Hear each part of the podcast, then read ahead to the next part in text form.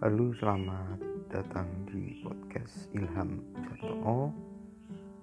Saya di sini bukan lagi mengambil kesempatan untuk berbicara, namun memanfaatkan modernisasi hari ini untuk meraba-raba, menerka-nerka, bahkan berprasangka